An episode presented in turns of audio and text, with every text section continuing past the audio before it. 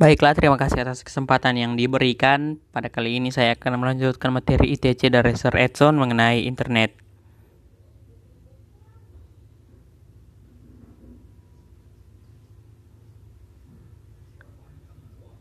Internet adalah suatu jaringan komunikasi yang menghubungkan satu media elektronik dengan media lainnya.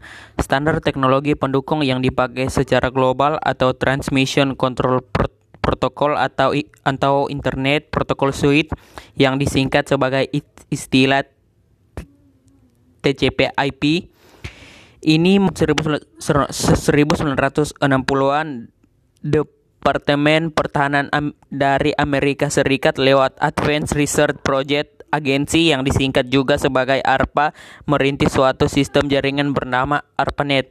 ARPANET ini adalah asal mulanya sebelum terbentuk teknologi internet.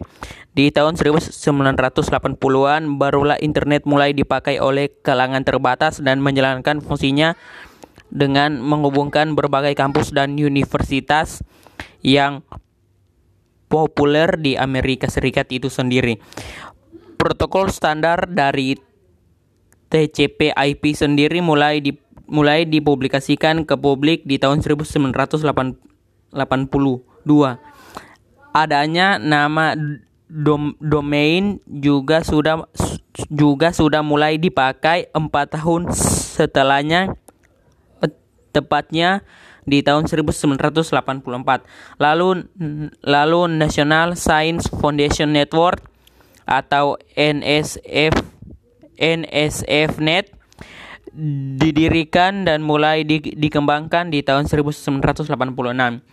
NSFNet inilah yang mulai menggantikan peranan dari ARPANET sebagai suatu wadah riset terkait di Amerika Serikat beberapa jaringan internasional pada banyak negara akhirnya mulai dikembangkan dan di, dihubungkan lewat NSFNet tersebut. ARPANET kemudian diturunkan pada tahun 1990 namun memang memang internet hasil pengembangannya itu sendiri tetap berkembang terus-menerus hingga sekarang ini. Dulu informasi yang dapat dimiliki lewat internet cuman informasi yang berbasis teks dan pada tahun 1990 layanan se sejenis berbaris tampilan grafis yang dikenal sebagai sebagai World Wide Web mulai di, dikembangkan lagi oleh CERN di tahun 1993 internet mul, pun didirikan agar bisa me, agar bisa melayani pendaftaran nama nama domain dari publik. Sekitar tahun 1994 internet masuk ke negara kita di Indonesia. Internet positif di Indonesia.